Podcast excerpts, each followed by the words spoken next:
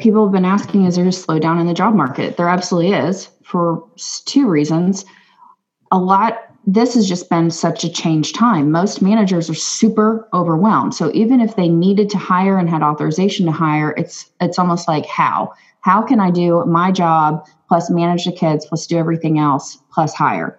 So we've got some clients that are looking at this as an opportunity to jump the pack.